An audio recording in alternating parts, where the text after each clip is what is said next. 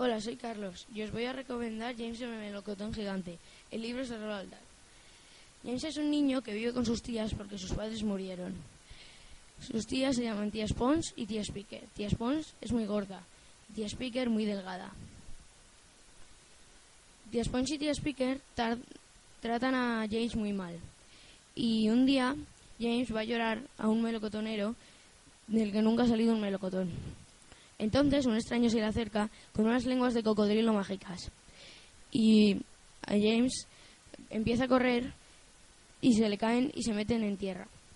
Entonces un melocotón sale del árbol y empieza a ser más grande y más grande hasta que llega a tocar el suelo. Tía Sponge y tía Speaker, que lo habían visto, empiezan a vender entradas para ver el melocotón. Y al día siguiente mandan a James para recoger todas las cáscaras de pipas, periódicos y todo lo que había en el suelo. Entonces James descubre un túnel en el melocotón y entra y ve una puerta en el hueso del melocotón. Entra y ve que hay un saltamontes enorme, una araña también enorme y también enormes una mariquita, un gusano de seda, un gusano de luz, un gusano y un cien pies. Se hacen amigos y entonces al día siguiente el cien pies corta el rabo del melocotón y el melocotón sale rodando.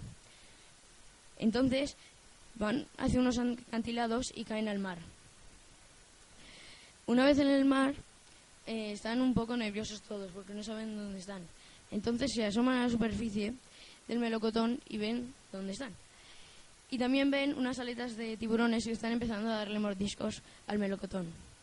Entonces también ven unas gaviotas que hay por encima de ellos y empiezan a engancharlas al, rabo del melocotón y salen volando. Entonces, cuando ya están volando gracias a las gaviotas, ven que el melocotón casi no tiene mordiscos.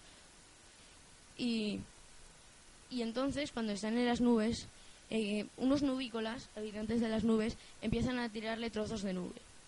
Al final consiguen salir, pero van perdiendo algunas, algunas gaviotas.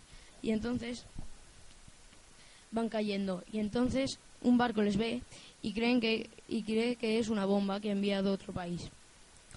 Entonces avisa al presidente de ese país y cuando llegan a una ciudad, un avión les corta todos los hilos que sujetan las gaviotas al melocotón y caen en- justo en el Empire State, en la punta del Empire State. Al final ven que no es ninguna bomba y que y que son cosas más o menos normales.